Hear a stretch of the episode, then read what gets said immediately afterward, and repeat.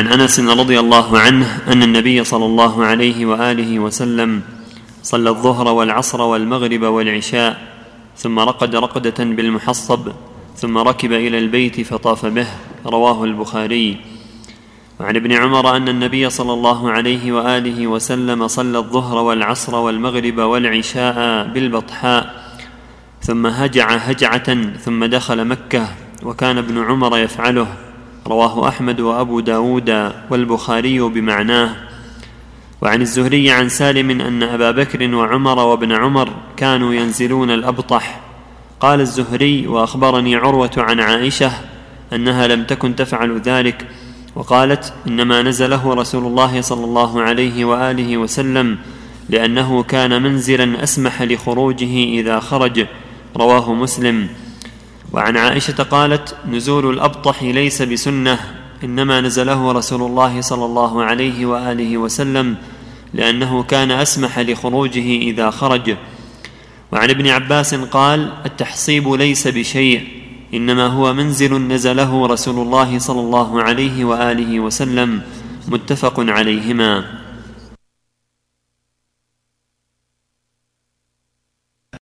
هذه الأحاديث تتعلق بالنزول المحصب.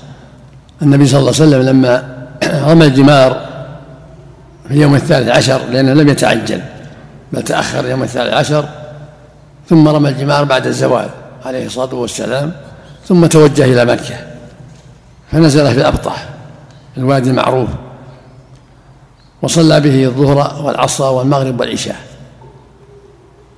ثم نزل إلى مكة آخر الليل ليلة أربعة عشر فطاف طواف الوداع.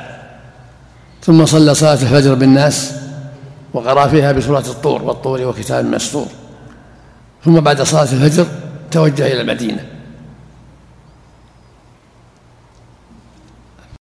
فاختلف العلماء هل يستحب النزول في الأبطح إذا خرج من منى إذا نزل من منى يوم الثاني عشر أو الثالث عشر. فكان الصديق رضي الله عنه وابن عمر رأيا أن الأفضل نزول في الأبطح. تأسى بالنبي صلى الله عليه وسلم يصلي به الظهر والعصر والمغرب والعشاء. وقالت عائشة رضي الله عنها وابن عباس إنه ليس بمستحب إنما نزله لأن كان أسمح لخروجه. فالأمر في هذا واسع من نزل فلا بأس ومن ترك فلا من نزل كما نزل النبي صلى الله عليه وسلم والصديق عمر فلا بأس ومن لم ينزل فلا بأس. الأمر في هذا واسع والمقصود من هذا والفائدة الكبيرة أن السنة لمن؟ رمى الجمار يوم الثاني عشر؟ والثاني عشر ما يصلي في منى. السنة ينزل يصلي في مكة يصلي في مكة. الظهر والعصر والمغرب والعشاء. أما بجماعة إذا كان نزل في الأبطح وإما بالمساجد التي حول بيته إذا كان قصد بيته. صلي في المساجد المسجد حوله. الظهر والعصر والمغرب والعشاء. وإذا طاف طواف الوداع في آخر الليل وسافر صباح أربعة عشر كما فعل النبي صلى الله عليه وسلم فلا بأس. وإن وإن حب يبقى في مكة أيام فإذا أراد السفر طاف الوداع عند عند نية السفر.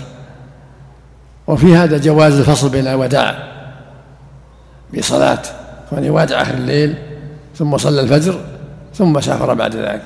فهكذا لو صلى ودع الضحى ثم صلى الظهر وسافر أو ودع بعد الظهر ثم صلى العصر وسافر أو ودع بعد العصر ثم صلى المغرب والعشاء وسافر كل هذا لا بأس به. التأخير اليسير يعفى عنه ما يعيد الوداع. أو شرى حاجة من السوق أو انتظر أصحابه يجون حتى يركبوا كل هذا لا بأس به. الأمر واسع بحمد الله. نعم باب ما جاء في دخول الكعبة والتبرك بها. عن عائشة قالت خرج النبي صلى الله عليه وآله وسلم من عندي وهو قرير العين طيب النفس. ثم رجع إلي وهو حزين. فقلت له فقال إني دخلت الكعبة ووددت أني لم أكن فعلت. إني أخاف أن أكون أتعبت أمتي من بعدي. رواه الخمسة إلا النسائي وصححه الترمذي.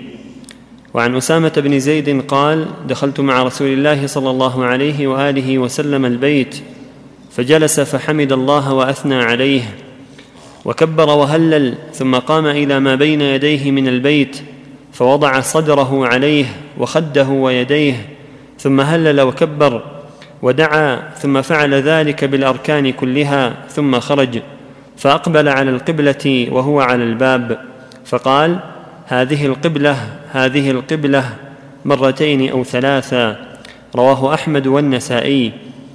وعن عبد الرحمن بن صفوان قال لما فتح رسول الله صلى الله عليه وآله وسلم مكة انطلقت فوافقته قد خرج من الكعبة وأصحابه قد استلموا الكعبة من الباب إلى الحطيم وقد وضعوا خدودهم على البيت ورسول الله صلى الله عليه وآله وسلم وسطهم.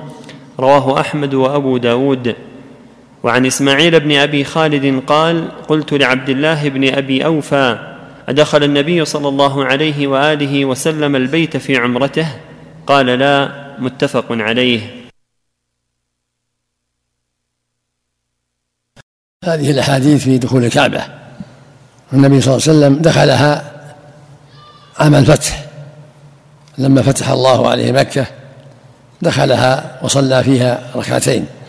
كما روى الشيخان في الصحيحين أنه دخلها وصلى فيها ركعتين كما تقدم.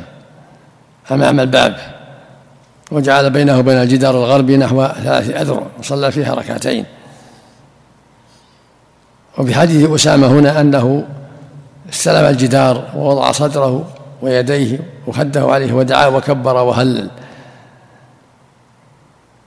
أما في حديث أسامة وحديث بلال وحديث ابن عمر المتقدم أنه دخلها وصلى فيها ركعتين وجعل ثلاثة أعمدة خلفه وعمودين عن يمينه وعمودين يساره وصلى في غربيها ركعتين. فيدل على استحباب دخول الكعبة إذا تيسر ذلك من دون مشقة.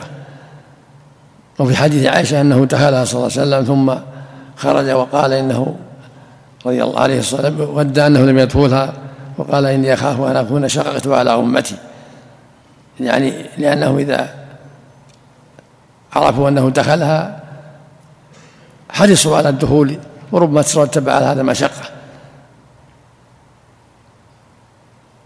لكن حديث عائشة هذا فيه صحة نظر لأن المعروف أنه إنما دخلها عام الفتح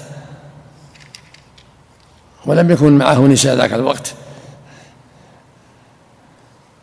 وقد سئل عبد الله بن أبي أوفى هل دخلها في عمره فاجاب أن لم يدخلها في عمرة القضاء ولا في عمرة الجعرانه إنما دخلها عام الفتح عليه الصلاة والسلام. فيدل ذلك على استحباب دخولها إذا تيسر من دون مشقة وصلاة ركعتين. وإذا دعا في في أركانها ودعا وكبر الله وهلل فلا بأس كما فعل النبي صلى الله عليه وسلم. قال ابن عباس إنه دعا في نواحيها وكبر وهلل. فإذا دخلها وصلى فيها ركعتين ودعا في نواحيها وكبر فكل ذلك مستحب. وإن وضع صدره على الجدار الغربي ويديه ودعا فلا بأس أيضا. ولكن ترجمة المؤلف والتبرك بها ليس بشديد وإنما يقال دخول الكعبة والدعاء فيها وذكر الله فيها. أما التبرك فلا يجوز التبرك بها ولكن يفعل النبي صلى الله عليه وسلم يفعل ما فعله النبي ويطلب بركة من الله ليس عندها بركة هي. البركة تطلب من الله عز وجل وإنما يفعل الإنسان المشروع من صلاة من صلاة الركعتين واستلم الحجر الأسود و استلام الجدار ووضع اليدين عليه هذا مستحب. لكن مو معنى انه يطلب البركة منه معناه الخضوع لله. والدعاء وطلب البركه من الله جل وعلا. ولهذا لما قبل عمر الحجر الأسود قال إني أعلم أنك حجر لا تضر ولا تنفع ولولا أني رأيت النبي يقبلك ما قبلتك فالمسلم يعمل السنة لا لأجل البركه من الحجر أو الجدار ولكن لأجل متابعة السنة. يقبل الحجر يستلم الحجر يستلم الركن اليماني يطوف بالكعبة يسعى يطلب المغفرة من الله. والرضا من الله لا من جدار الكعبة ولا من الصفا ولا من المروة ولا من الحجر ولا من الركن ولكن الطلب من الله يطلب من ربه المغفرة والعون ودخول الجنة والنجاة من النار بامتثاله أمر الله بفعله ما شرعه الله في الكعبة من الطواف وتقبيل الحجر الأسود واستلامه واستلام الركن اليماني والطواف وهكذا السعي كلها عبادات شرعها الله. يتقرب بها إلى الله. فالمرجو من الله جل وعلا. هو حصول المغفرة والرحمة والبركة التي يرجوها العبد بأعماله الطيبة يرجوها من الله. لأن أحجارها ليس عندها ضر ولا نفع وإنما النفع والضر والعطاء والماء كله من الله عز وجل. وفق الله الجميع. الأفضل جدامة إذا دخل جدامة يجعل الجدار الغربي أمامه. وإذا صلى في أي محل كفى من الكعبة. إذا كان ما في زحمة ولا مشقة وإلا فترك الدخول أولى لا. لا يستعمل المشقة. على الجدار على الجدار الغربي نعم. نعم.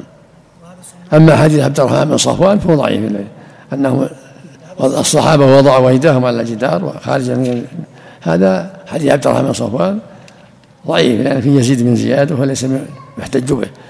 وبين بين الركن والحطيم الحطيم يعني الحجر المحطوم من الكعبة. ما دخل الكعبة واستقبل ووضع يده على الجدار يديه وصدره فكل هذا لا بأس به كما رواه أسامة. ولكن يطلب البركة من الله والمغفرة من الله جل وعلا لا من الكعبة. نعم. هذا من حديث أسامة. نعم. نعم. إن فعل فلا بأس يسمى الملتزم بين الركن والباب. فعله بعض الصحابة من فعله ودعا الله عنده فلا بأس إن شاء الله. نعم. أما النبي صلى الله عليه وسلم لم يثبت عن من حديث عبد الرحمن صفوان فيه ضعف إنما فعله داخل الكعبة عليه الصلاة والسلام. النبي صلى الله عليه وسلم هل دخل الكعبة في غير حجة الوداع؟ المعروف إنما دخلها في عام الفتح فقط. نعم. اللهم صل عليه وسلم باب ما جاء في ماء زمزم. عن جابر قال قال رسول الله صلى الله عليه وآله وسلم ماء زمزم لما شرب له رواه أحمد وابن ماجه. وعن عائشة أنها كانت تحمل ماء زمزم وتخبر أن رسول الله صلى الله عليه وآله وسلم كان يحمله. رواه الترمذي وقال حديث حسن غريب. وعن ابن عباس أن رسول الله صلى الله عليه وآله وسلم جاء إلى السقاية فاستسقى. فقال العباس يا فضل اذهب إلى أمك فات رسول الله صلى الله عليه وآله وسلم بشراب من عندها. فقال اسقني. فقال يا رسول الله إنهم يجعلون أيديهم فيه.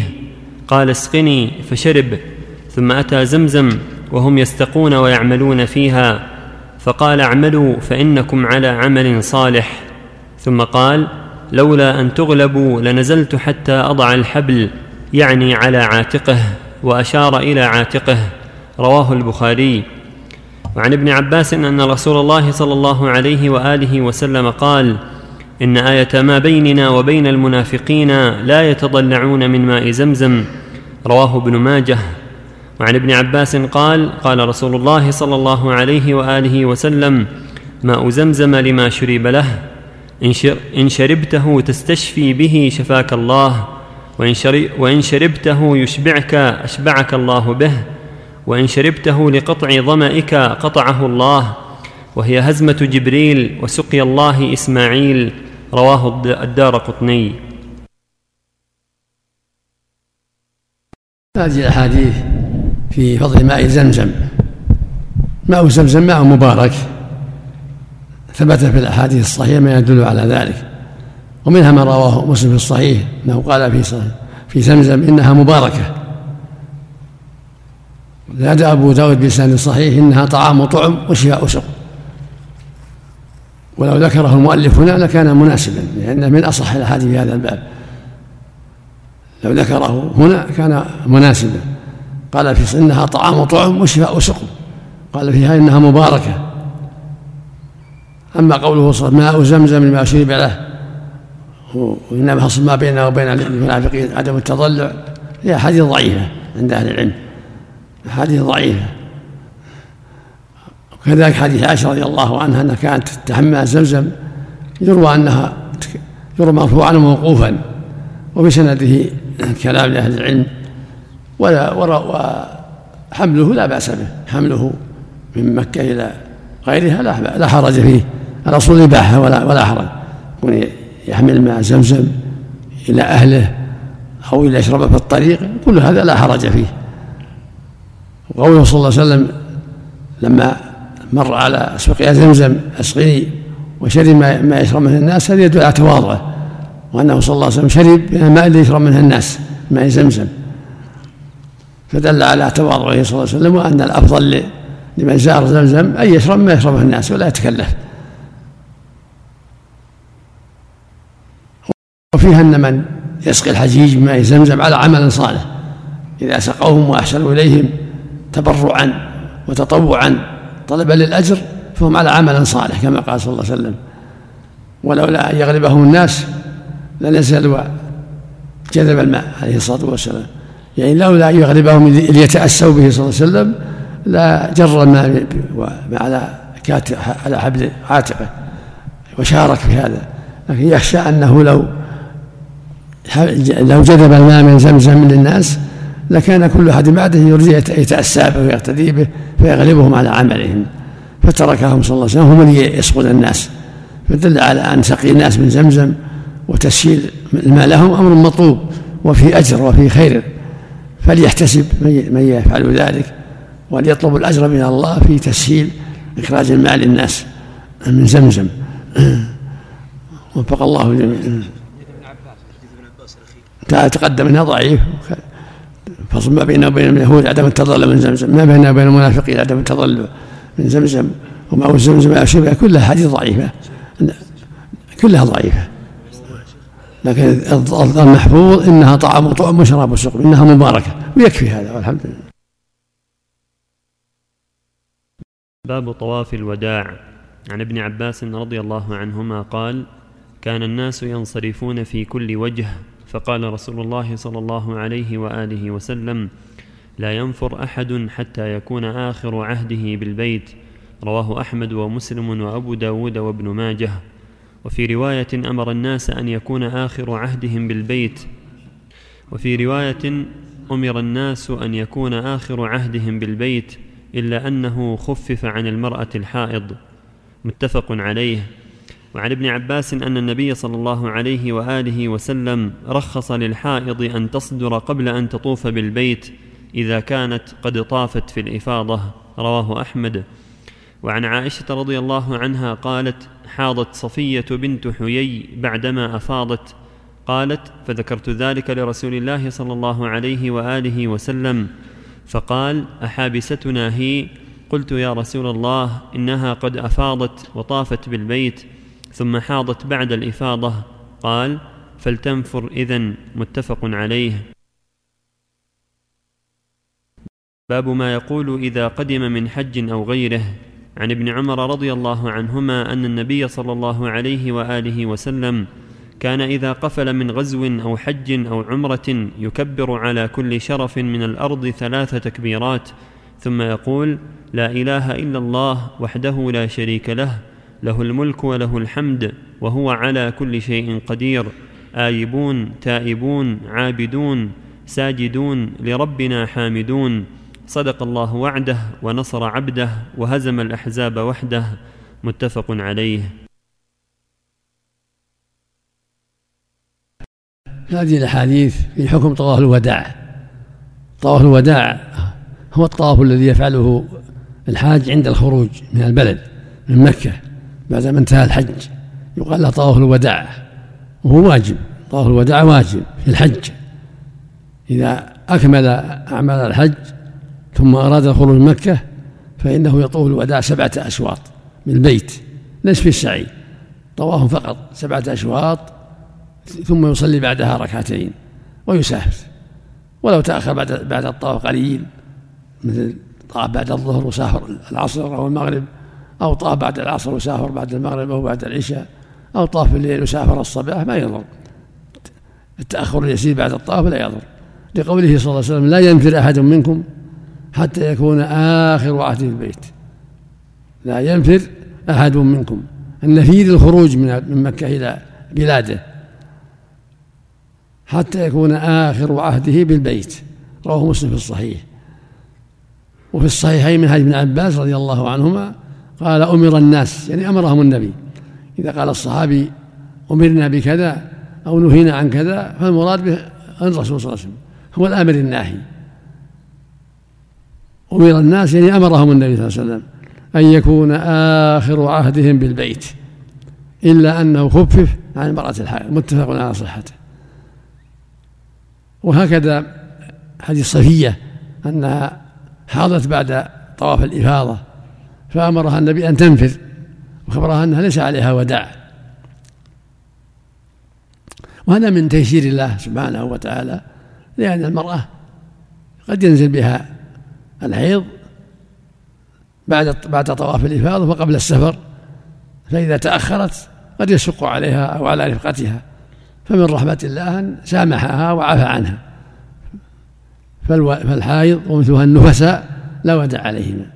فإذا طاف طواف الإفاضة وفرغت من الرمي فلها أن تنفر ولا تنتظر الطهارة وليس عليها وداع أما من خرج ولم يودع وهو غير معذور فعليه دم وعليه التوبة.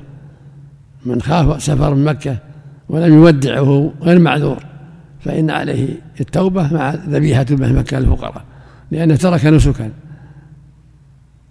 أما من ترك لعذر كالحائض والنفساء فلا ودع عليهما. أما المريض يحمل. المريض إذا كان مريض يطاف بالعربانة أو على المطية أو على رؤوس رؤوس الرجال إذا كان يشق عليه الطواف بالمشي لأن أم سلمة أصابها بعض المرض فلم تستطع أن تطوف للوداع ماشية. فقال لها اركبي. فطافت بمراء الناس على بعيد. أما الحائض النفساء فلا وداع عليهما خاصة.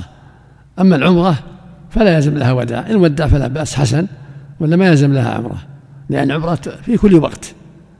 أما الحج في السنة مرة والعمر مرة. فإذا حج فعليه الوداع. أما العمرة فلا ودع عليها لا ودع عليها لكن إن ودع عند الخروج فهو حسن. وفي الحديث الأخير الدلالة على أنه يشرع لمن رجع من غزو أو من حج أو من عمرة أو من أي سفر أن يكثر الرجوع من الذكر ويكبر على إذا ارتفع. إذا على الأراضي المرتفعة كبر الله قال الله أكبر الله أكبر يكبر. يقول لا إله إلا وحده لا شريك له له ملك وله الحمد وهو على كل شيء قدير. وإن كان في أراضي مطمئنة جاء في الأحاديث الأخرى أنه يسبح. إذا نزل في وادي أو أرض مطمئنة يقول سبحان الله سبحان الله سبحان الله وبحمده وما أشبه ذلك. وإذا نهض صعد محلات مرتفعة كبر الله أكبر الله أكبر في الطريق حتى يصل إلى بلده. ويقول مع هذا لا إله إلا الله وحده لا شريك له له ملك وله الحمد وهو على كل شيء قدير. فيكثر من التكبير والتهليل في المرتفعات والتسبيح في المنخفضات. ويقول مع ذلك آيبون تائبون عابدون ساجدون لربنا حامدون. صدق الله وعده ونصر عبده وهزم الأحزاب هذا في الرجوع. آيبون يعني راجعون الآيب الراجع. آيبون تائبون عابدون ساجدون لربنا حامدون. صدق الله وعده ونصر عبده وهزم يكرر هذا في الطريق يكرر التكبير والذكر وهذا كلام في الطريق. وعند النزول في المحلات المطمئنة المنخفضة يكثر من التسبيح. وفق الله الجميع يشد السعي يشد. طواف يشد. ولو معه السعي لو طاف الإفاضة وسعى بعده سافر أجزاء والسعي تابع للطواف. نعم طاف طواف الوداع ثم تذكر أنه لم يرمي إحدى الجمار فهل يعود يطوف مرة أخرى؟ إنسان وقت الرمي باقي. إنسان وقت الرمي باقي يعود الرمي ثم يعيد الطواف. إنسان وقت الرمي قد مضى فالطواف مجزي وعليه ذبيحة عن ترك الرمي. تذبح مكة الفقراء. أما إن كان الطواف رمي الرمي بازي وطواف الوداع كان في اليوم الثاني عشر أو الثالث عشر يأتي بالرمي ثم يعيد الطواف. أما إن كان طواف الوداع بعد الثالث عشر فهذا طواف وجزي وعليه دم عن ترك الرمي ما الدليل على أن طواف الوداع في العمرة ليس بواجب لأن ربي ما أمر به إنما أمر بالحجيج ما أمر العمار أمر الحاج الحاج فقط. باب الفوات والإحصار. عن عكرمة عن الحجاج بن عمرو قال سمعت رسول الله صلى الله عليه وآله وسلم يقول من كسر أو عرج فقد حل من كسر أو عرج فقد حل وعليه حجة أخرى قال فذكرت ذلك لابن عباس وأبي هريرة فقال صدق. رواه الخمسة. وفي رواية لأبي داود وابن ماجة من عرج أو كسر أو مرض فذكر معناه. وفي رواية ذكرها أحمد في رواية المروذي من حبس بكسر أو مرض. وعن ابن عمر أنه كان يقول أليس حسبكم سنة رسول الله صلى الله عليه وآله وسلم؟ إن حبس أحدكم عن الحج طاف بالبيت وبالصفا والمروة ثم يحل من كل شيء حتى يحج عاما قابلا فيهدي أو يصوم إن لم يجد هديا. رواه البخاري والنسائي. وعن عمر بن الخطاب رضي الله عنه أنه أمر أبا أيوب صاحب رسول الله صلى الله عليه وآله وسلم وهبار بن الأسود حين فاتهما الحج فأتيا يوم النحر أن يحلا بعمرة ثم يرجعا حلالا ثم يحجا عاما قابلا ويهديا. فمن لم يجد فصيام ثلاثة أيام في الحج وسبعة إذا رجع إلى أهله. وعن سليمان بن يسار أن, أن ابن حزابة المخزومي صرع ببعض طريق مكة وهو محرم بالحج فسأل عن الماء الذي كان عليه فوجد عبد الله بن عمر وعبد الله بن الزبير ومروان بن الحكم فذكر لهم الذي عرض له وكلهم أمره أن يتداوى بما لا بد منه ويفتدي. فإذا صح اعتمر فحل من إحرامه ثم عليه أن يحج قابلا ويهدي. وعن ابن عمر أنه قال من حبس دون البيت بمرض فإنه لا يحل حتى يطوف بالبيت. وهذه الثلاثة لمالك في الموطأ. وعن ابن عباس قال لا حصر إلا حصر العدو. رواه الشافعي في مسنده.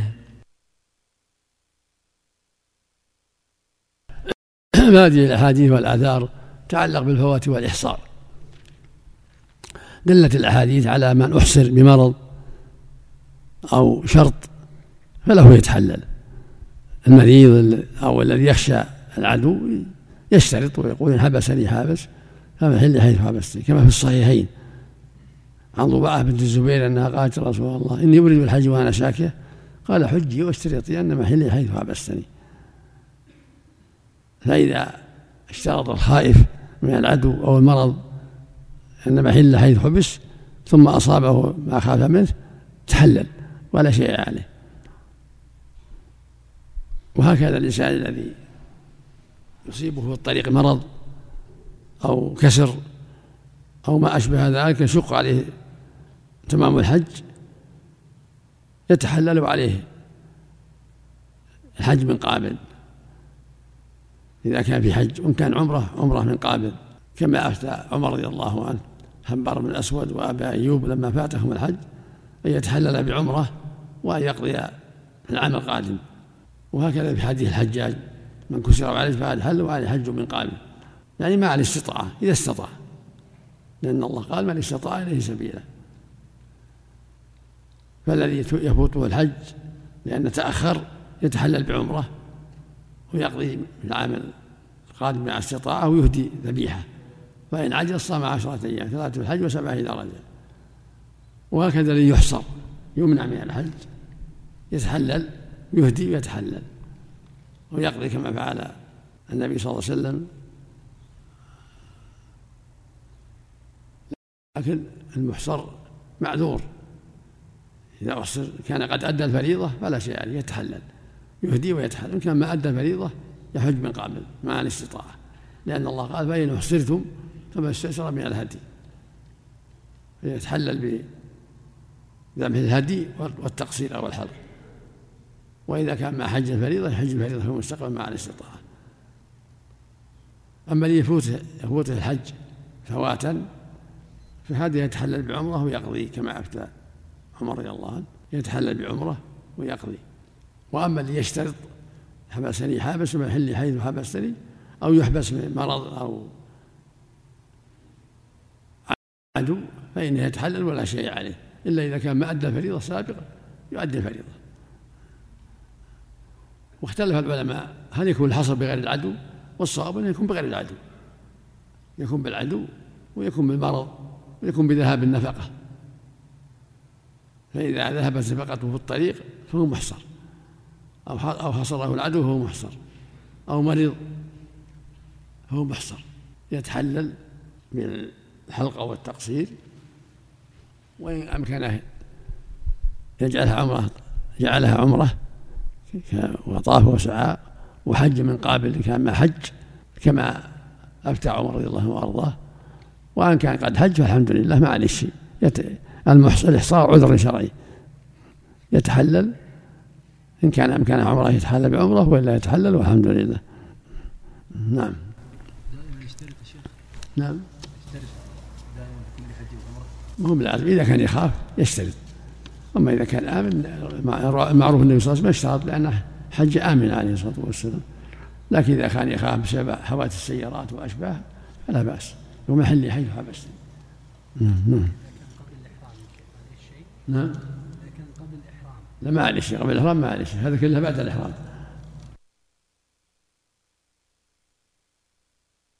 باب تحلل باب تحلل المحصر عن العمرة بالنحر ثم الحلق حيث حصر من حل أو حرم وأنه لا قضاء عليه. عن المسور ومروان في حديث عمرة الحديبية والصلح أن النبي صلى الله عليه وآله وسلم لما فرغ من قضية الكتاب قال لأصحابه قوموا فانحروا ثم احلقوا. رواه أحمد والبخاري وأبو داود. وللبخاري عن المسور أن النبي صلى الله عليه وآله وسلم نحر قبل أن يحلق وأمر أصحابه بذلك.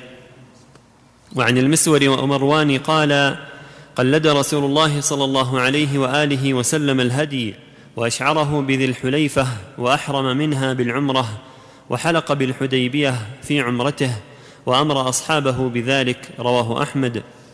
وعن ابن عباس قال إنما البدل على من نقص حجه بالتلذذ فأما من حبسه عدو أو غير ذلك فإنه يحل ولا يرجع. وإن كان معه هدي وهو محصر نحره إن كان لا يستطيع أن يبعث به.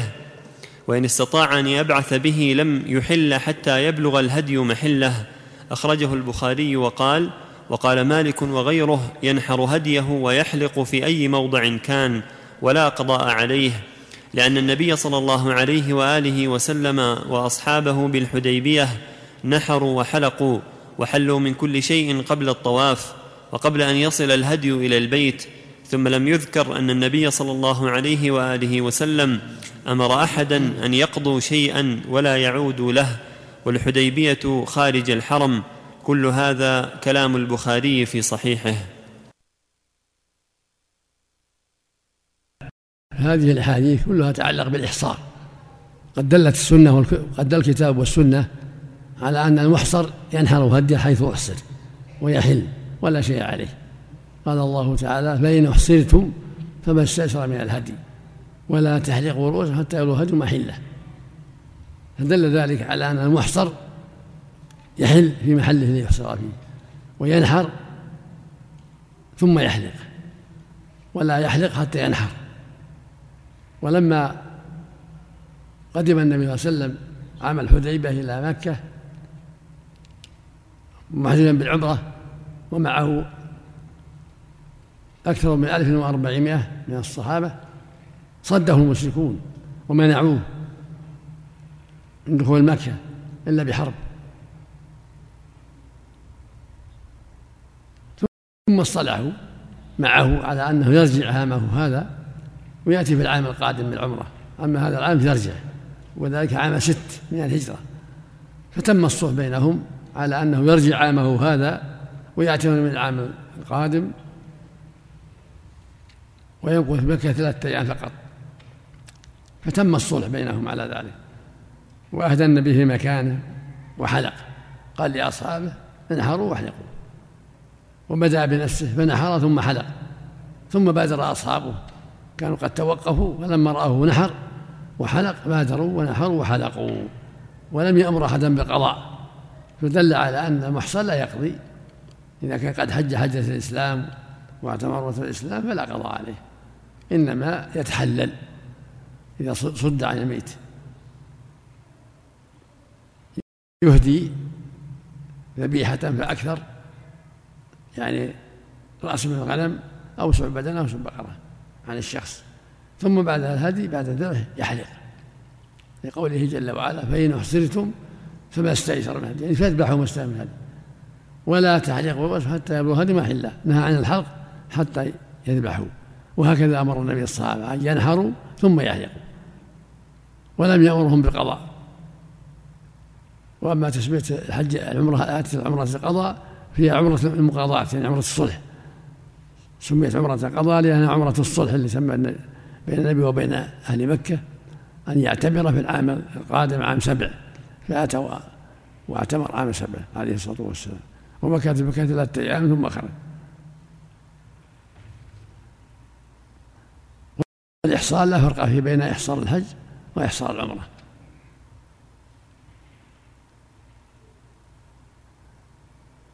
وإذا كان إحصاره بعد عرفة فقد تم الحج. الحج عرفة. فإذا أحصر عن من رمي الجمار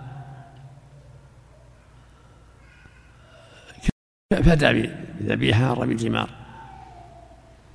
وإن من المبيت في منى أو مزدلفة فلا شيء عليه كالسوقات أما إذا أحصر قبل عرفة فإنه يتحلل وهكذا في العمرة إذا أحصر يتحلل وينحر ويحلق والحمد لله. نعم. أبواب الهدايا والضحايا باب في إشعار البدن وتقليد الهدي كله. عن ابن عباس رضي الله عنهما أن رسول الله صلى الله عليه وآله وسلم صلى الظهر بذي الحليفة ثم دعا ناقته فأشعرها في صفحة سنامها الأيمن وسلت الدم عنها وقلدها أنعلين ثم ركب راحلته فلما استوت به على البيداء أهل بالحج رواه أحمد ومسلم وأبو داود والنسائي وعن المسور بن مخرمة ومروان قال خرج رسول الله صلى الله عليه وآله وسلم من المدينة في بضع عشرة مئة من أصحابه حتى إذا كانوا بذي الحليفة قلد النبي صلى الله عليه وآله وسلم الهدي وأشعره وأحرم بالعمرة. رواه أحمد والبخاري وأبو داود. وعن عائشة رضي الله عنها قالت فتلت قلائد بدن رسول الله صلى الله عليه وآله وسلم ثم أشعرها وقلدها ثم بعث بها إلى البيت فما حرم عليه شيء كان له حلا. متفق عليه. وعن عائشة أن النبي صلى الله عليه وآله وسلم أهدى مرة إلى البيت غنما فقلدها. رواه الجماعة. وعلى آله وأصحابه. أما بعد فهذه الأحاديث تتعلق بالهدايا والضحايا. يأتي بحث الضحايا إن شاء الله. أما الهدايا فهي ما يساق إلى البيت يقال هدية. ما يسوقه الإنسان من بيته من بلده من الطريق إلى مكة هذا يسمى هدية من إبل أو بقر أو غنم. فإذا ساقه فليس يحرم عليه شيء من في بلده. مثل ما قالت عائشة أن أهدى النبي صلى الله عليه وسلم الإبل وأهدى الغنم ولم يحرم عليه شيء كان له حلال. يرسل الإبل أو بقر أو غنم تذبح في مكة للفقراء هذا يسمى هدية ويبقى حلاله. هذا نوع والنوع الثاني أن يكون معه صحبته في الحج أو في العمرة. فهذا إذا كان حاجا لا يحل حتى ينحر هديه. يبقى على إحرامه حتى كما جرى في حجة الوداع. أمر صلى الله عليه وسلم من كان معه هدي أن يبقى على إحرامه ومن ليس معه هدي أن يتحلل بالطواف والسعي والتقصير. وفيها أن السنة إشعارها إشعار الإبل المهداة وإذا كانت تجرح في سلامها تجرح بجرح يسيل الدم ثم يسلت الدم اللي في سنامها وتقلد بشيء من نعل أو غيره تعرف بأنها هدية حتى لو ماتت في الطريق أو حتى لو عطبت في الطريق تذبح وتقسم على الفقراء. والإنسان إذا أحرم ومعه هدي ليس له حل حتى ينحر هديه في عمرة أو حج. أما إن كان لا باقي في البلد أرسله في البلد فلا يحرم عليه شيء. إذا أرسل إبل أو بقر أو غنم هو جالس في البلد ما أحرم. فهذا يذبح في مكة وليس وهو حلال لا يحرم عليه شيء. لأنه ما أحرم. والإبل تشعر في أسنمتها جرح يسيل الدم يطلق على سنامها علامة أنها هدية مع التقليد في رقبتها. والغنم تقلد فقط في بنعل أو غير أو قلادة خاصة تعرف بأنها هدي. وفق الله الجميع إذا مات ما في شيء لكن إذا عطب يذبح. إذا عطب يذبح ويعطاه الفقراء. نعم. باب النهي عن إبدال الهدي المعين. عن ابن عمر رضي الله عنهما قال أهدى عمر نجيبا فأعطي بها ثلاثمائة دينار. فأتى النبي صلى الله عليه وآله وسلم فقال يا رسول الله إني أهديت نجيبا فأعطيت بها ثلاثمائة دينار. فأبيعها وأشتري بثمنها بدنا. قال لا انحرها إياها. رواه أحمد وأبو داود والبخاري في تاريخه. باب باب أن البدنة من الإبل والبقر عن سبع شياه وبالعكس. عن ابن عباس رضي الله عنهما أن النبي صلى الله عليه وآله وسلم أتاه رجل فقال إن علي بدنة وأنا موسر لها ولا أجدها فأشتريها. فأمره النبي صلى الله عليه وآله وسلم أن يبتاع سبع شياه فيذبحهن. رواه أحمد وابن ماجه.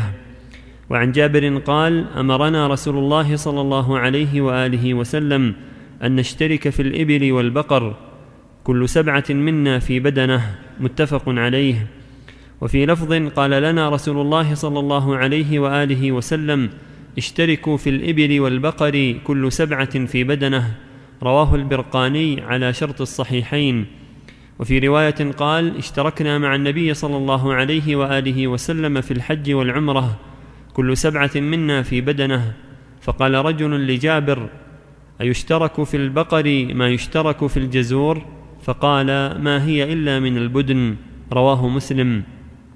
وعن حذيفة قال شرك رسول الله صلى الله عليه وآله وسلم في حجته بين المسلمين في البقرة عن سبعة. رواه أحمد. وعن ابن عباس رضي الله عنهما قال كنا مع النبي صلى الله عليه وآله وسلم في سفر فحضر الأضحى فذبحنا البقرة عن سبعة والبعير عن عشرة.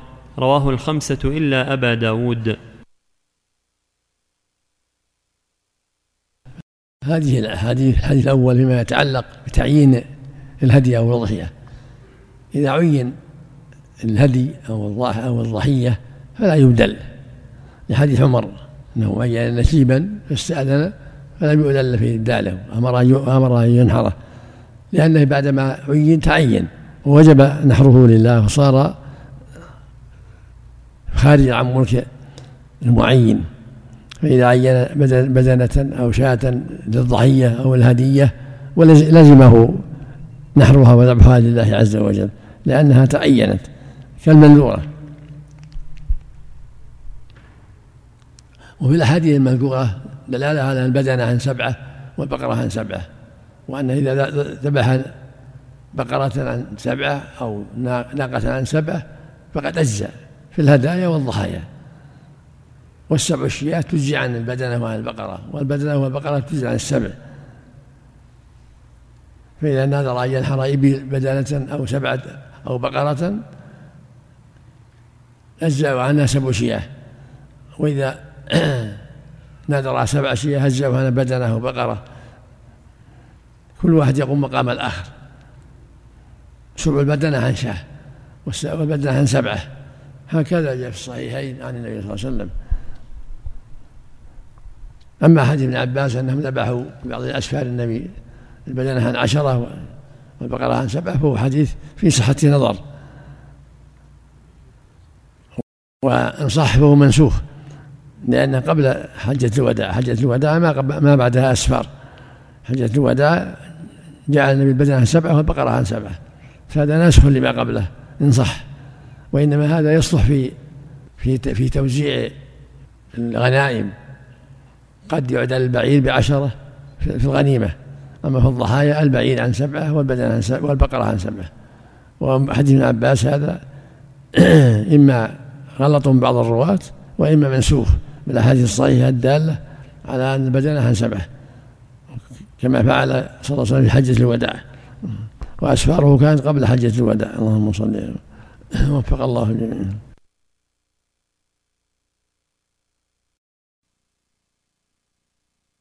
باب ركوب الهدي. عن أنس قال رأى رسول الله صلى الله عليه وآله وسلم رجلا يسوق بدنه فقال اركبها.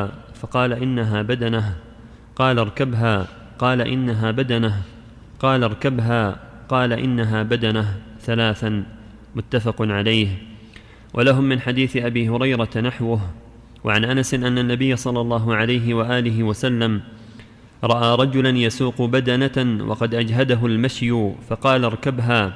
فقال إنها بدنة. قال اركبها وإن كانت بدنة. رواه أحمد والنسائي.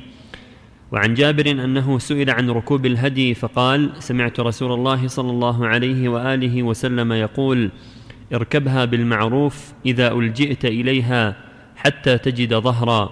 رواه أحمد ومسلم وأبو داود والنسائي. وعن علي رضي الله عنه أنه سئل يركب الرجل هديه فقال لا بأس به. قد كان النبي صلى الله عليه وآله وسلم يمر بالرجال يمشون فيأمرهم بركوب هديهم. قال ولا تتبعون شيئا أفضل من سنة نبيكم صلى الله عليه وآله وسلم. رواه أحمد. باب الهدي يعطب قبل المحل. عن أبي قبيصة ذؤيب بن حلحلة قال كان النبي صلى الله عليه وآله وسلم يبعث معه بالبدن ثم يقول إن عطب منها شيء فخشيت عليها موتا فانحرها ثم اغمس نعلها في دمها ثم اضرب به صفحتها ولا تطعمها أنت ولا أحد من أهل رفقتك. رواه أحمد ومسلم وابن ماجه. وعن ناجية الخزاعي وكان صاحب بدن رسول الله صلى الله عليه وآله وسلم قال قلت كيف أصنع بما عطب من البدن؟ قال انحره واغمس نعله في دمه واضرب صفحته وخل بين الناس وبينه فليأكلوه. رواه الخمسة إلا النسائي. وعن هشام بن عروة عن أبيه أن صاحب هدي النبي صلى الله عليه وآله وسلم قال يا رسول الله كيف أصنع بما عطب من الهدي؟ فقال كل بدنة عطبت من الهدي فانحرها ثم الق قلائدها في دمها ثم خل بين الناس وبينها يأكلوها. رواه مالك في الموطأ عنه. هذه الأحاديث كلها تعلق بالهدي ما يهديه المؤمن إلى المسجد الحرام إلى شعبة. في الحديث الأول الدلالة على أنه يركب. فإذا أهدى هديا من مدينة من الرياض من أي مكان إلى مكة للذبح أيامنا فإنه له أن يركبها إذا احتاج إليه. ولهذا قال صلى الله عليه وسلم اركبها اركبها. أمره أن يركب هديه إذا احتاج إليه ولا يمشي. واللفظ الآخر إذا ألجئت إليها بالمعروف فإذا إنسان أهدى بدنه أو بدن إلى مكة حتى تذبح في منى أيام النحر أو في أيام النحر أو في أي أيام في أي وقت. إذا أهدى إلى مكة هديا ليذبح في مكة للتقرب هناك إلى الله وتوزيعه بين الفقراء في مكة فإنه له الركوب إذا احتاج إلى ذلك ولا يمشي. لكن بالمعروف إذا ألجأ إلى هذا إذا دعت الحاجة إلى هذا لا يمشي يركب. لكن بالمعروف لا يزعجها ولا يؤذيها ثم إذا وصل ذبحها. أما إذا غناه الله عنها فلا بأس يقودها. إذا استغنى عنها يقودها والحمد لله. أما إذا احتاج الركوب يركب بالمعروف من غير إيذاء ومن غير تسبب في إعطابها. وفي الأحاديث الثلاثة الأخيرة الدلالة على أن من تعاطب الهدي يعني أصابه مرض أو كسر وعطب حتى لا يستطيع الوصول إلى مكة ينحر في مكانه مع إبل أو بقر أو غنم عطبت يعني أصابها عطب سقطت أو مرضت ولم يستطع إيصالها إلى مكة فإنه ينحرها ينحر الإبل ويذبح البقر والغنم ويصبغ. النعل الذي علق عليها العلامة أنها هدي في دمها ويضرب بصفحة الإبل حتى يعرف أنها هدي ثم يخلي بينها وبين الناس يأكلونها بين مار الطريق أبناء السبيل. أما هو فلا يأكل منها شيء هو رفقته. اللي معهم الهدي لا يأكلون منها. وهذا والله أعلم أراد به سد الذريعة لئلا يتسببوا في عطبها ليأكلوها. من رحمة فمن حكمة الله أن منع من يسوق الهدي أن يأكل منه إذا عطب. لكن ينحره ويصبغ نعله في دمه ويمسح ويضرب بها على صفته ويخلي بين بين الناس ليأكلوه. وأما نفس الذي جاء بالهدي والذي يسوق الهدي هذا لا يأكل شيء. الرسول منعه لا هو ولا رفقته. سدا لذريعة التساهل لأنه إذا عرفوا أنه يؤكل قد يتساهلون فيعطبونه حتى يأكلوه فهم ممنوعون من الأكل منه بل يذبح ويترك لغيرهم أما هم فلا يكون منه شيء وفق الله جميعا. نعم. باب الأكل من دم التمتع والقران والتطوع.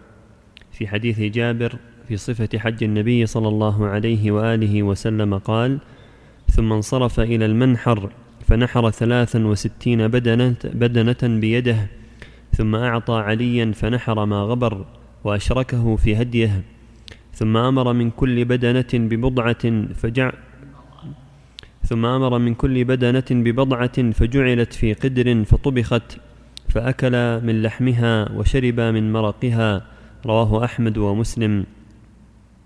وعن جابر أن النبي صلى الله عليه وآله وسلم حج ثلاث حجج حجتين قبل أن يهاجر وحجة بعدما هاجر ومعها عمرة فساق ثلاثا وثلاثين بدنة وجاء علي من اليمن ببقيتها في فساق ثلاثا وثلاثين بدنة وجاء علي من اليمن ببقيتها فيها جمل لأبي لهب في أنفه برة من فضة فنحرها وأمر رسول الله صلى الله عليه وآله وسلم من كل بدنة ببضعة فطبخت وشرب من مرقها.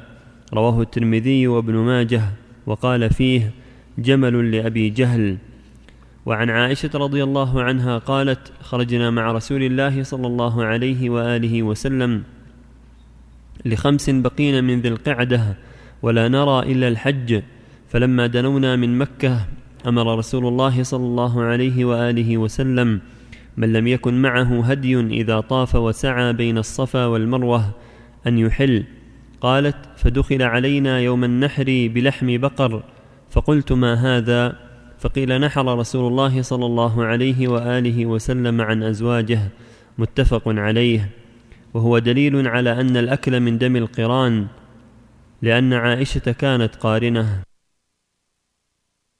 هذه الأحاديث ثلاثة كلها تدل على أن السنة أن يأكل الإنسان من هديه في الحج. هدي التمتع والقران. لقوله جل وعلا وأذن في الناس بالحج يأتوك رجالا وعلى كل ضامر يأتين من كل فج عميق ليشهدوا منافع لهم ويذكروا اسم الله في أي معلومات على ما رزقهم من بهيمة فكلوا منها وأطعموا البائس الفقير. فالسنة أن يأكل منها. ولهذا لما حج النبي صلى الله عليه وسلم حجة الوداع أهدى 63 بدنة. وجاء علي بالتمام المئة سبعة وثلاثين الجميع مئة بدنة أهداها في حجة الوداع. وأمر من كل بدنة ببضعة. أمر من كل بدنة لما نحرت بضعة قطعة. فجمعت في قدر وطبخت فشرب من مرقها وأكل من لحمها. فدل على أنه يستحب للمهدي لصاحب الحج والعمرة أن يأكل من هديه كما أكل النبي صلى الله عليه وسلم سواء كان الهدي واجبا كهدي التمتع والقرآن أو متطوعا به لأن الله قال فكلوا منها. أما حديث جابر أن الرسول حج قبل الهجرة حجتين وبعد الهجرة واحدة هو حديث ضعيف.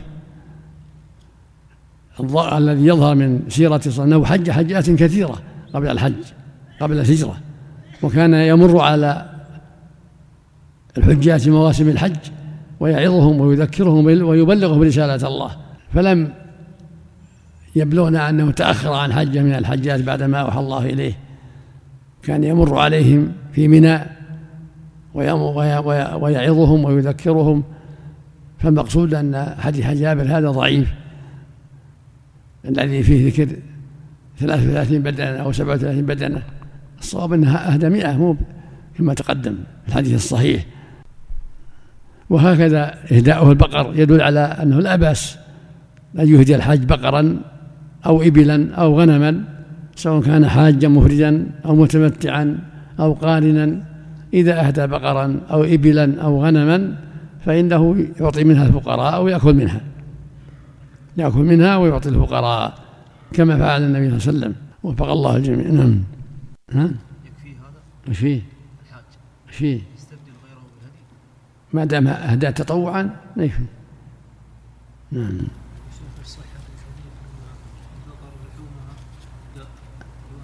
لا غلط مو صحيح. كلها طيب. لحمها وشهمها. كل غلط هذا. ليس بصحيح.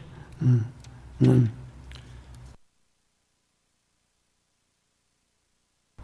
باب أن من بعث بهدي لم يحرم عليه شيء بذلك.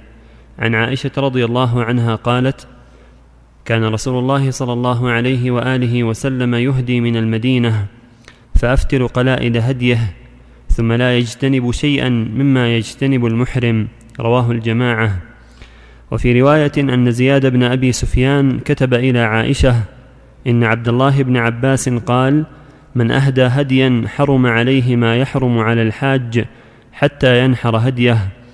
فقالت عائشة ليس كما قال ابن عباس أنا فتلت قلائد هدي رسول الله صلى الله عليه وآله وسلم بيدي ثم قلدها بيده ثم بعث بها مع أبي فلم يحرم على رسول الله صلى الله عليه وآله وسلم شيء أحله الله له حتى نحر الهدي أخرجاه. باب الحث على الأضحية. عن عائشة رضي الله عنها أن النبي صلى الله عليه وآله وسلم قال ما عمل ابن آدم يوم النحر عملا أحب إلى الله من هراقة دم وإنه ليأتي يوم القيامة بقرونها وأظلافها. نعم. وإنها لتأتي يوم القيامة بقرونها وأظلافها وأشعارها وإن الدم ليقع من الله عز وجل بمكان قبل أن يقع قبل أن يقع الأرض فطيبوا بها نفسا. رواه ابن ماجة والترمذي وقال هذا حديث حسن غريب. وعن زيد بن أرقم قال قلت أو قالوا يا رسول الله ما هذه الأضاحي؟ قال سنة أبيكم إبراهيم. قالوا ما لنا منها؟ قال بكل شعرة حسنة. قالوا فالصوف قال بكل شعرة من الصوف حسنة رواه أحمد وابن ماجه.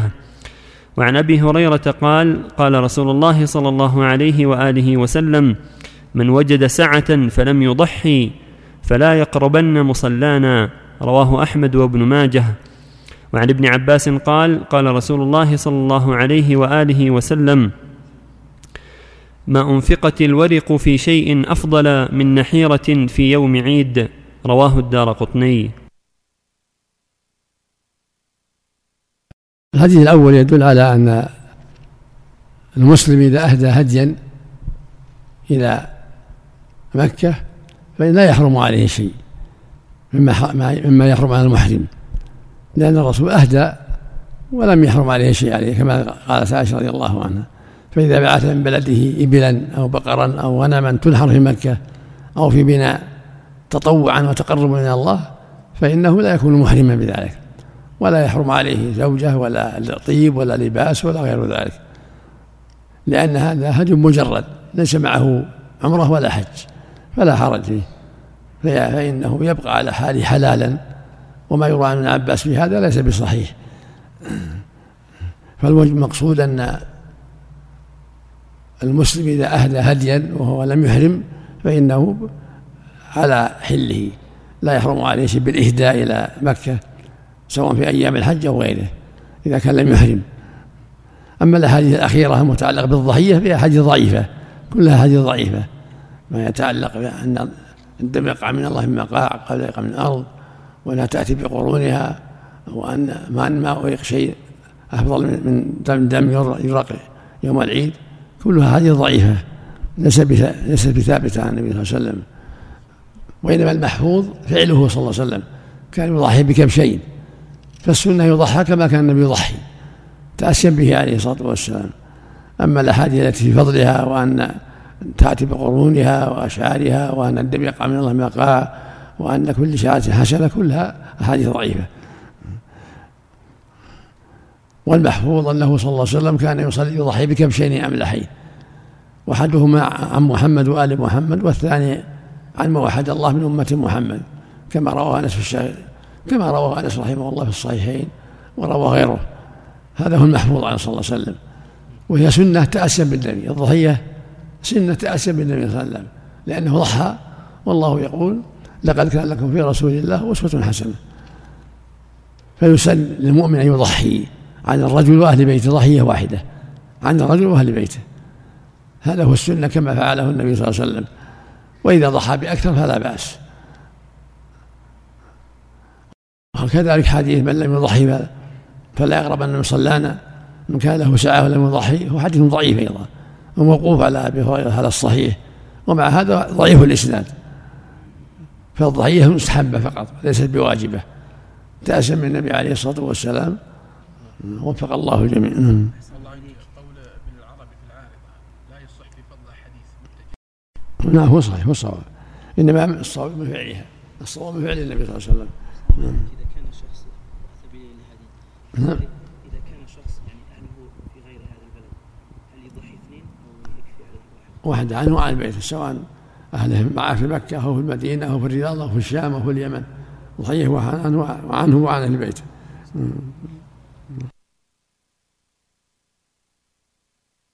باب ما احتج به في عدم وجوبها الأضاحي بتضحية رسول الله صلى الله عليه وآله وسلم عن أمته. عن جابر قال صليت مع رسول الله صلى الله عليه وآله وسلم عيد الأضحى فلما انصرف أتي بكبش فذبحه فقال بسم الله والله أكبر اللهم هذا عني وعن من لم يضح من أمتي رواه أحمد وأبو داود والترمذي. وعن علي بن الحسين عن أبي رافع أن رسول الله صلى الله عليه وآله وسلم كان إذا ضحى اشترى كبشين سمينين أقرنين أملحين فإذا صلى وخطب الناس أتي بأحدهما وهو قائم في مصلاه فذبحه بنفسه بالمدية ثم يقول اللهم هذا عن أمتي جميعا من شهد لك بالتوحيد وشهد لي بالبلاغ ثم يؤتى بالآخر فيذبحه بنفسه فيقول هذا عن محمد وآل محمد. فيعطيهما جميعا للمساكين ويأكل هو وأهله منهما. فمكثنا سنين ليس رجل من بني هاشم يضحي. قد كفاه الله المؤونة برسول الله صلى الله عليه وآله وسلم والغرم. رواه أحمد. باب ما يتجنبه في العشر من أراد التضحية. عن أم سلمة رضي الله عنها أن رسول الله صلى الله عليه وآله وسلم قال إذا رأيتم هلال ذي الحجة وأراد أحدكم أن يضحي فليمسك عن شعره وأظفاره. رواه الجماعة إلا البخاري. ولفظ أبي داود وهو لمسلم والنسائي أيضا من كان له ذبح يذبحه فإذا أهل هلال ذي الحجة فلا يأخذن من شعره وأظفاره حتى يضحي. هذه الأحاديث الأولى فيما يتعلق بالضحية. الضحية سنة من عمل النبي صلى الله عليه وسلم وهذا هو الثابت فيها. أما ما تقدم من الأحاديث القولية فهي غير ثابتة لكن ثبت فيها أنه صلى الله عليه وسلم يضحي. وقال الله وقد قال الله عز وجل لقد كان لكم في رسول الله أسوة حسنة. وكان يضحي بكبشين أحدهما عن محمد وآل محمد زوجاته وأهل بيته وبناته والثاني عن ما وحد الله من أمة محمد. هذا هو السنة السنة الضحية في عيد النحر يوم العيد وثلاثة أيام بعده يضحي الرجل عنه وعن البيت كما قال أبو أيوب كنا نضحي في عهد النسير يضحي الرجل بالشاة عنه وعن البيت؟ فيأكلون ويطعمون. فالشاة الواحدة توزع على الرجل وأهل بيته وإن كان عنده أربع نساء وإن كان عنده أولاد كثيرين ووالديه وجميع أهل بيته واحد تكفي عنهم. وإن ضحى بأكثر فلا بأس. لفعله صلى الله عليه وسلم. والسنة أنه يأكل ويطعم يأكل ما تيسر ويطعم. الفقراء والجيران والأحباب. ولهذا كان صلى الله عليه وسلم يعطيها الفقراء ويأكل وأهل بيته منها. والواجب على من الضحية أن لا يأخذ من شعرة ولا من أظفاره شيئا ولا من بشرته إذا عزم على الضحية ودخل الشهر شهر ذي الحجة لا يأخذ من شعرة ولا من أظفاره شيئا حتى يضحي. إذا كان يضحي عن نفسه وأهل بيته. أما إذا كان وكيل الوكيل ما عليه شيء. يكون وكيل في وقف أو وكيل إنسان يضحي عنه لا لا حرج عليه يأخذ من شعره ومن أظفاره. لكن إذا كان يضحي هو بنفسه عن أهله عنه وعن أهل بيته لا يأخذ من شعره ولا من أظفاره شيئا. أما إذا كان وكيل أوقاف وكيل ضحايا وليس ما يضحي عن نفسه ولكنه وكيل فهذا لا حرج عليه أن يأخذ من أظفاره وشعره. لكن من كان يضحي عن نفسه أو عن نفسه وأهل بيته فلا يأخذ من شعره ولا من أظفاره ولا من بشرته شيئا إذا دخل الشهر حتى يضحي. وفق الله الجميع. نعم هذا هذا الأصل في النهي. في كفارة على الأصل في ذلك التوبة والاستغفار. الله إليك. الذي يدفع له أجرة نعم. الذي يدفع له أجرة للذبح. نعم. لا بس الذي يدفع له أجرة للذبح هل يسمح له أن يأخذ منه؟ إذا كان يضحي عن نفسه وبيته لا يأخذ. أما الوكيل والوكيل لا, لا, لا حرج عليه. إنما هذا في الذي يضحي عن نفسه يتقرب إلى الله يضحي عن نفسه وأهل بيته. نعم. ماذا يحمل عدم تضحية أبو بكر وعمر؟ نعم. أقول عدم تضحية أبو بكر وعمر وابن عباس. ما أدري عنه. أقول ما ندري ما عندي خبر من هذا. ما ثبت عندي شيء. والحجة, والحجة فيهم ولا في الرسول؟ لا شك الرسول. ها؟ الرسول عفى الله لقد كان لكم في رسول الله أسوة حسنة. إذا جاء نهر الله بطل النهر معقل إذا ثبت شيء عن رسول الله لا تسأل الآخرين. نعم. الحمد لله. نعم. إذا كان مضحي لا يأخذ. إذا كان مضحي ولا ما يذبح بنفسه ولا وكل يذبح عنه إذا كان مضحي عن نفسه وأهل بيته لا يأخذ من شعره ولا من أظفاره شيء سواء باشر الضحية بنفسه أو ذبحها عن غيره. البشرة الجلد يعني لا من جلد الشيء نعم. لا من الظهور ولا من الشعر ولا من الجلدة. جلدة يده ورجله. نعم. أحسن الله إليكم. يقول اعتاد بعض الناس من سكان الطائف وجدة النزول إلى منى يوم عيد النحر لشراء الذبائح منها وأخذها إلى الطائف أو جدة علما بأنهم ليسوا فقراء ويشترونها من فقراء مكة وفيها لحوم الهدي ودماء التمتع. نعم إذا جاءت الفقير يأكل ولا يبيع؟ إذا جاءت الفقير لحوم الضحايا والهدايا إذا أكل أو باع فلا بأس. نعم. ملكها. نعم. أحسن الله إليكم. يقول أنا وإخوتي نعمل في بلدان متفرقة ثم في عيد الأضحى نجتمع عند والدنا. أنا. وإخوتي نعمل في بلدان متفرقة ثم في عيد الأضحى نجتمع عند والدنا ويذبح والدنا الأضحية. فهل تكفي هذه الأضحية عنا جميعا مع العلم بأن لكل واحد منا شقة مستقلة؟ كل واحد السنة يضحي عن نفسه. ما دام مستقل في البيت كل واحد يضحي عن نفسه هذا السنة وأبوكم يضحي عن نفسه وأهل بيته. كل واحد من الأولاد مستقلين كل واحد يضحي عن نفسه هذا هو الأفضل.